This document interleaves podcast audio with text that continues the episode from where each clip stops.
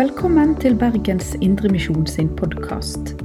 For mer informasjon om oss, besøk oss på betlehem.no, eller finn oss på Facebook og Instagram der som Bergens Indremisjon.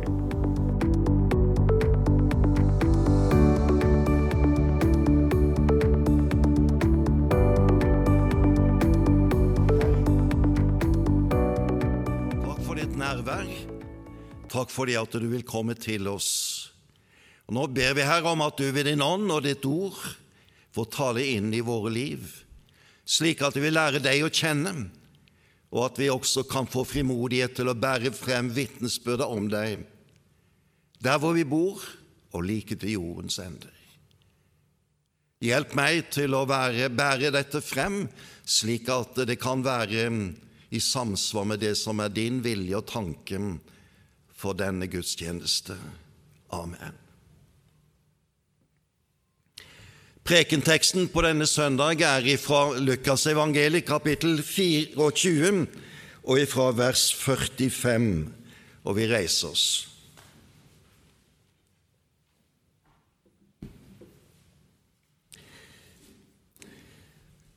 Da åpnet han deres forstand, så de kunne forstå Skriftene. Og han sa til dem, slik står det skrevet, Messias skal lide og stå opp fra de døde tredje dag, og i hans navn skal omvendelse og tilgivelse for syndene forkynnes for alle folkeslag. Dere skal begynne i Jerusalem. Dere er vitner om dette. Hellig oss i sannheten, ditt ord er sannhet. Amen. Det er første søndag etter pinse. Denne søndagen kalles treenighetssøndagen, og det er egentlig starten på den delen av kirkeåret som vi kan kalle arbeidsåret. Vi er ferdig med de tre store høytidene, hvor vi har altså møtt budskapet om hvordan Gud handler inn i historien gjennom sin sønn, og slik feirer vi jul og påsken og så har vi lagt bak oss pinsen, hvor Gud har sendt sin Hellige Ånd til menigheten for å utruste dem for den store tjenesten som vi alle er satt inn i. Og der står vi nå, ved starten på dette arbeidsåret i kirkeåret. Og den teksten vi har lest, er egentlig da en helt grunnleggende tekst for denne tjenesten som Den hellige ånd utruster oss for og som vi får et innhold og et budskap om. Og Den lille teksten vi leste sammen, den er et lite utdrag av en samtale mellom Jesus og hans disipler i denne perioden på 40 dager mellom oppstandelsen og himmelfarten. Og det er altså et viktig startpunkt for denne tjenesten. Og den begynner altså med dette utsagnet Da åpnet han deres forstand, så de kunne forstå. Hva betyr det at han åpner forstanden slik at det er mulig å forstå? Som mennesker skapt i Guds bilde har, gitt, har, Gud gitt oss en forstand, en evne til å tenke, samle erfaring, bearbeide kunnskap, bygge opp erkjennelse og anvende dem for å løse de ulike oppgavene vi står overfor i livet, enten det nå er i hverdagssammenheng, yrkessammenheng eller planlegging av fremtid eller hva det måtte være. Forstanden har Gud gitt oss som et redskap for at vi skulle kunne stige frem og leve i det skaperverk Han har gitt oss. Men dette skaperverket står alltid i en relasjon til Gud. Den relasjonen kan vi, ikke, kan vi bare ane i det øyeblikk vi ser kanskje skaperverkets skjønnhet, majestet eller utrolige kompleksitet så aner vi at det er noe som ligger bak dette skapte, og Han som har gitt oss alt dette som vi møter. Men vi kan ikke nå frem til erkjennelse, innsikt og erfaring av Gud og Guds gjerning. Da må vår forstand åpnes ved at Gud taler inn i våre liv på en slik måte at vi merker at Han som har skapt alt dette og gitt oss disse redskapene, at Han ønsker samfunn og fellesskap med oss. Han åpenbarer seg på en slik måte at han taler til oss, slik at vi nettopp med tanken og forstanden kan forstå hva som er Guds vilje og plan og tanke. Og disiplene de hadde jo levd sammen med nå Jesus i tre og et halvt år. De hadde hørt og de hadde sett alt det som Jesus sa og gjorde. Men fortsatt var det noe som ikke gikk opp. Det var en sammenheng i det som skjedde, som de ikke forsto. Derfor skapte påsken krise i deres tanke- og trosliv. Men Jesus søkte dem opp. Han ville åpne deres forstand, så de kunne forstå. Hva forteller dette oss? Vi, som alle andre mennesker, er også utrustet med en forstand som er en fantastisk gave fra Gud. Det gjør oss enestående i skaperverket. Men vår forstand er ingen kilde til kjennskap og kunnskap om Gud.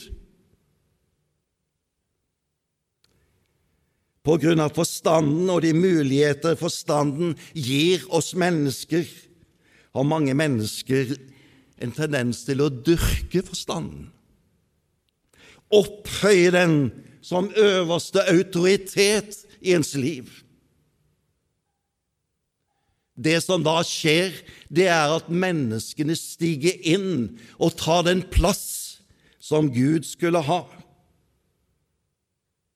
Og slik skaper da menneskene gjennom sin forstand en autoritet som blir deres egen Gud. De danner seg et gudsbilde, en gudsforestilling, som de hele tiden har kontroll på som er passe tilpasse de menneskelige behov, lengsler og lyster, passe mild og kjærlig og passe streng når det er nødvendig. Det var dette djevelen lokket de første menneskene med. Ser De, dersom vi tar av denne frukten her og spiser, ja, hva skjer da, sa fristeren? Jo, da kan dere bli som Gud, til å kjenne godt og ondt. Da kan plutselig forstanden deres bli så enestående at den kjenner alle ting. Dere blir som Gud.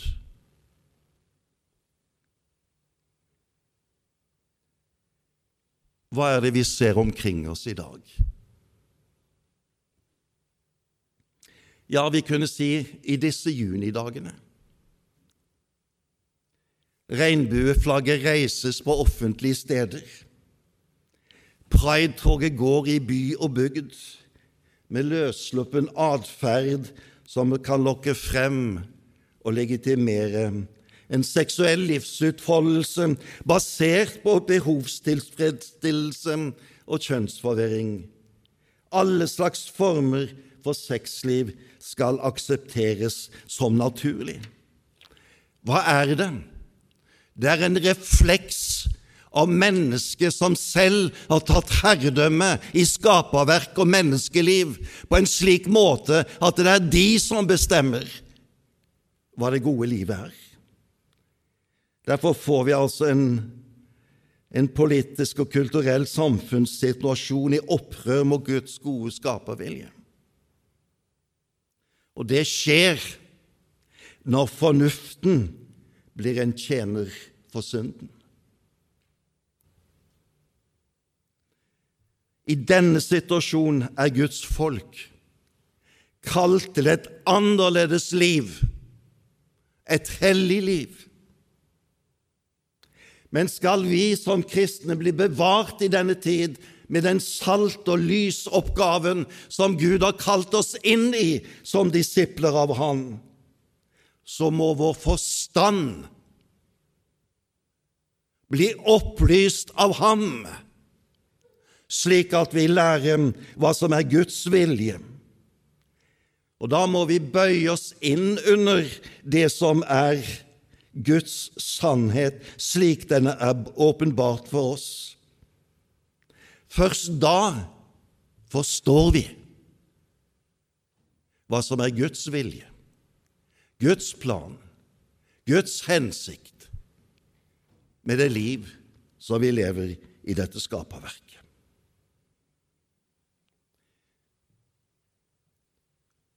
Og Jesus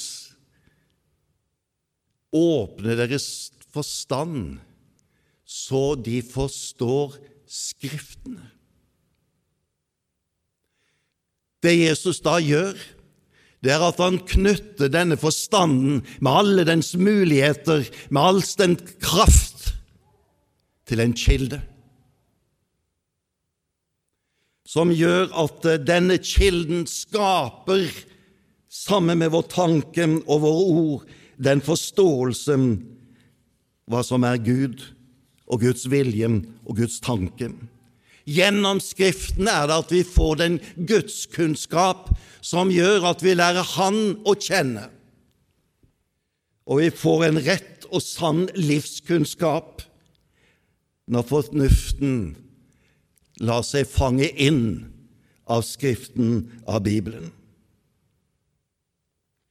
Gud som er i den skjulte tilværelsen, som egentlig er utilgjengelig for oss som skapning. Han bryter selv grensen mellom sin tilværelse og vår ved å stige inn og tale og handle i vår verden. Det har han gjort gjennom hele frelseshistorien. Og han har talt til oss gjennom denne historien, gjennom de mange profetiske redskap han brukte i den gammeltestamentlige tid gjennom Jesus Kristus, sann Gud og sant menneske, og til slutt gjennom apostlene. Guds åpenbaring, hans tale og handling, er gjort kjent for oss gjennom Skriftene i vår Bibel. Disiplene erfarte i denne situasjonen de står i, hvor ting var på en måte forvirret, og det hang ikke sammen, så bindes alt sammen i det øyeblikk han åpner deres forstand, så de kan forstå Skriftene. Den kilden som gir sann innsikt, blir en åpen bok hvor man ser den sammenhengen som er i Guds handling og Guds plan med menneskeslekten og med skaperverket. Slik er det også med oss. Vi har ingen annen kilde til kunnskap om Gud kunnskap om livet og om Guds plan med menneskelivet, om hans frelse og hans håp og hans fremtid, enn det som gis gjennom hans åpenbaring, hvor han taler til oss, og hvor dette gjenfinnes i vår Bibel. I det øyeblikk vi forlater Skriftene, Bibelen, som kilde for vår kunnskap og erkjennelse, så flytter vi oss ut av sentrum for hans orientering om livet. Da blir det plutselig slik at vi styres av vår fornuft, av vår erfaring, av våre opplevelser, løsreven ifra det som er Skriftens budskap det er den situasjonen som ble skapt i verden av syndefallet, hvor mennesket ville plassere seg i Guds sted og kjenne kunnskap, erfaring om hva som er godt og ondt.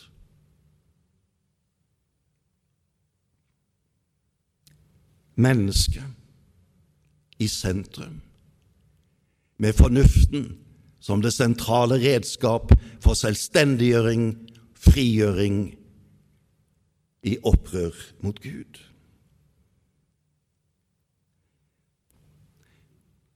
Det er en avgjørende tid vi lever i for den kristne menighet. Presset på oss er betydelig. Og den oppvoksende generasjonen som møter dette gjennom alle de kanaler som er tilgjengelig, er under et enormt press. Derfor må vi lære Skriften å kjenne. Derfor er det at forstanden må åpnes på en slik måte at den venner seg til Gud for å ta imot det som Han gir, slik at vi får kunnskap og innsikt i hva som er Guds plan og tanke. Og Hvis vi så spør hva er det som Gud åpenbarer for oss, og som står i sentrum av det Han gir oss av innsikt, så leser vi dette i det teksten som er prekenteksten i dag. De kunne forstå Skriftene, og han sa til dem, slik står det skrevet, Messias skal lide og stå opp fra de døde tredje dag, og i hans navn skal omvendelse og tilgivelse for syndene forkynnes for alle folkeslag. Og det skal begynne i Jerusalem. Hva er det Skriftene peker på? Messias skal lide og stå opp igjen den tredje dagen. Det er det første som Jesus da griper fatt i, som er det vi kan kalle det det historiske, objektive frelsesverket som ligger forut for oss, som ikke vi har gjort noen ting for å fullføre. Det er Guds suverene handling Og i disse samtalene som Jesus hadde med disiplene i disse 40 dagene, var en av hovedtemaene at de skulle kunne se denne sammenhengen. At det som skjedde, det de så, det de opplevde, det var Guds handling slik den var profetert i den gammeltestamentlige profetien. Det er en oppfyllelse av de løfter som Gud hadde gitt. Og disiplene måtte se at det de er vitner til, er det avgjørende gjennomslag for Guds frelse. Han dør for våre synder. Han går inn i menneskenes sted og betaler deres gjeld. Skyldbrevet som var nagle, var mot oss, ble naglet til korset, og det står 'betalt av Jesus'. Og Den tredje dagen sto han opp igjen til nytt liv. Han lever. Han bærer med seg Guds rikes velsignelser og gaver. I samfunnet med Han får vi del i alt dette som hans oppstandelsesliv vitner om og møter oss med. Og så utmyntes disse begivenhetene som skjedde den gang, i et budskap. Derfor står det 'og dere skal forkynne'. Og Det ordet som er brukt om å forkynne i teksten, er egentlig å proklamere offentlig, så alle skal kunne høre. Ikke noe som skal hviskes og tiskes med i kroken eller i hjemmer, men offentlig proklamere den begivenhet som har funnet sted, som er det store historiske skillet hvor Gud har handlet til frelse. Og så sier Jesus at denne forkynnelsen, den skal skje i mitt navn. Og dermed så legger han hele sin autoritet inn i det budskapet. Vi står der ikke i vårt navn. Vi står der ikke i en annens navn, men vi står i Hans navn, i Jesu navn. Og budskapet har hans autoritet. Og ikke bare det, men når, han, når, det lyder slik som han ønsker det skal lyde, så bruker han dette budskapet som redskap for å handle inn i våre liv, inn i menighetens liv, slik at han får forme seg det redskap som han vil bruke. I mitt navn skal dere stige frem. Med den autoritet som dette budskapet gir deg med denne frelseshistoriske begivenhet i Jesu døde oppstandelse som plattform for det hele. Og dette budskap har tre kjennetegn, ser vi i denne teksten. Hva skal dere forkynne? Først, dere skal forkynne omvendelse. Slik menneskene er i seg selv med sin fornuft, med sine evner, med sine gaver, er de i utgangspunktet atskilt ifra Gud. Menneskeslekten ble kastet ut av Edens hage, av det fortrolige samfunn med Gud. Isteden gjorde de selv til Gud. Og resultatet ble at de ble undergitt syndens makt istedenfor. Derfor lyder budskapet det er nødt til å bli en omvendelse som innebærer at retningen i livet skiftes fra å ha ryggen vendt mot Gud til å ha ansiktet vendt mot Ham. Det er et oppbrudd. Omvendelsen innebærer en erkjennelse det innebærer et oppgjør, og det innebærer en bekjennelse av sine synder. Denne erkjennelse skapes i møte med Guds ord, i møte med det budskap som apostlene var sant til å forvalte. Der, når det lyder, er omvendelsens mulighet til stede. For da skapes det en ny erkjennelse, ny innsikt, både om hvem vi er, og om hvem Gud er når han handler i Jesus Kristus. Omvendelsen er et kall til å vende seg mot ham, som er frelseren. Det andre element i dette budskapet er tilgivelse for syndene.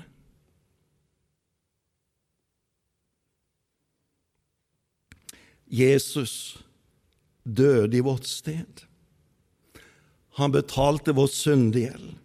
Dommen over synden og synderen er fullført ved Jesu død for oss. Våre synder kan bli tilgitt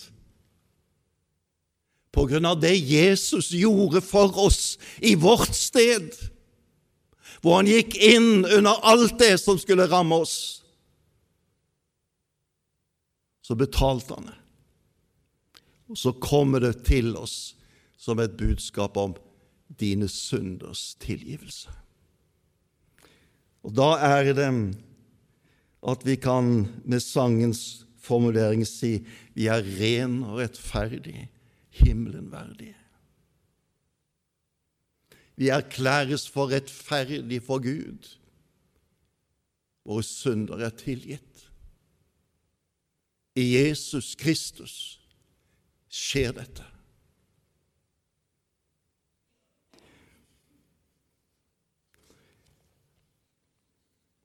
Og samtidig som vi får del i syndenes tilgivelse, blir rettferdige for Gud, får vi del i et nytt liv. Vi blir født på ny. Vi blir forent med Han som sto opp igjen den tredje dagen til et nytt liv. Vi er i Kristus Jesus. Han bor ved troen i våre hjerter. Der åpnes opp et nytt liv under Hans velsignende ord og veiledning.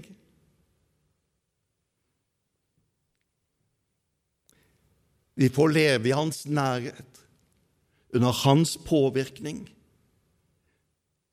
slik at våre liv formes og dannes i samsvar med det bildet som Jesus selv stiger frem med. Det er oppstandelseslivet med ham. Et liv til å tjene både Gud og mennesker, til å elske ham og elske vår neste, slik han elsker dem. Og den tredje konsekvensen er at budskapet om denne enestående frelsesbegivenheten som er fullført i Jesu døde oppstandelse, den skal forkynnes for alle folkeslag. Den er grensesprengende. Fordi Jesu død for våre synder er ikke bare en død for mine synder, men for alle menneskers slik at ethvert menneske som lever på denne jord, er under denne påvirkning og mulighet som Jesus frelseverk innebærer. Dette gjelder alle, de som bor oss nær, de som bor langt borte fra oss. Dette fikk disiplene høre. Budskapets universelle gyldighet for alle folkeslag, fordi han døde for alle, ikke bare for meg. Og så føyes det til og dere skal begynne i Jerusalem. Dere skal begynne der hvor dere nå står, der hvor dere er. For dette budskapet har hast. Det kan ikke vente til dere kommer til jordens ender for å begynne der, men det skal begynne her. Der hvor dere bor. Dere skal begynne i Jerusalem, sier han til disiplene. Og det gjentas da litt senere, som vi hører om i apostelens gjerninger, i Jerusalem, i Judea, i Samaria og like til jordens ender. Men begynn der hvor du bor. Hva betyr det? Begynn i Bergen by. Begynn der hvor du bor i ditt nabolag. Begynn der hvor du arbeider. Begynn der hvor du møter dine medmennesker. For du møter dine medmennesker hver eneste dag, slik som disiplene gjorde dem i sitt liv da de vandret i Jerusalems gater. Begynn der. Ikke vent, men begynn der hvor du bor. Og derifra skal der settes i gang en bevegelse som når like til jordens ender.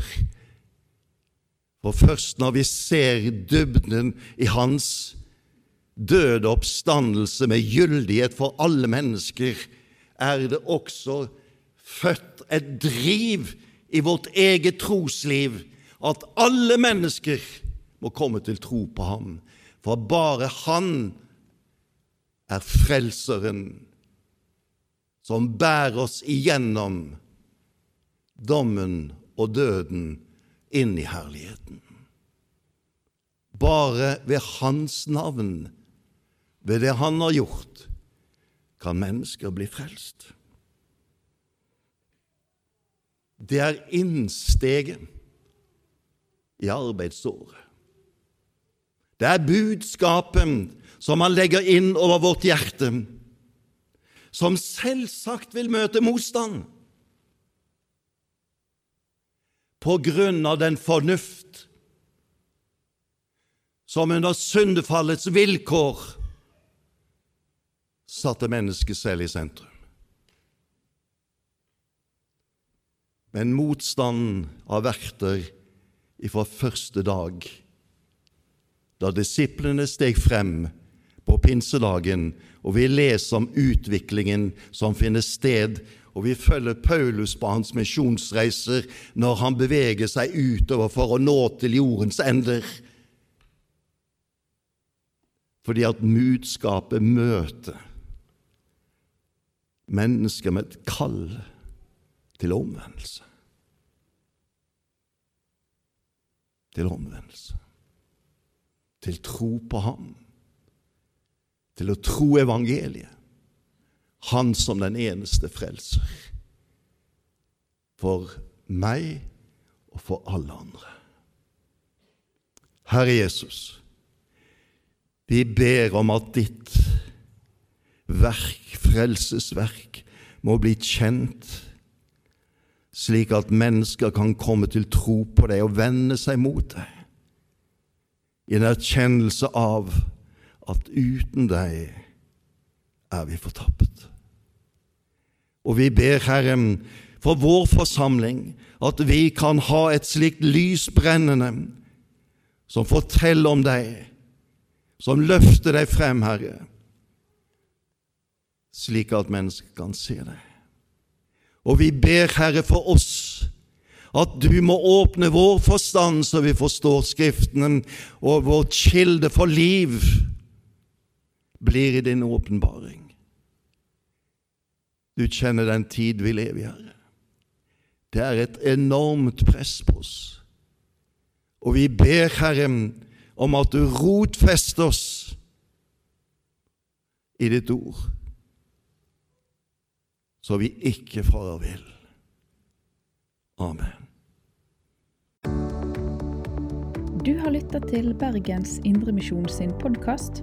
For mer informasjon om oss, besøk oss på betlehem.no, eller finn oss på Facebook og Instagram der som Bergens Indremisjon.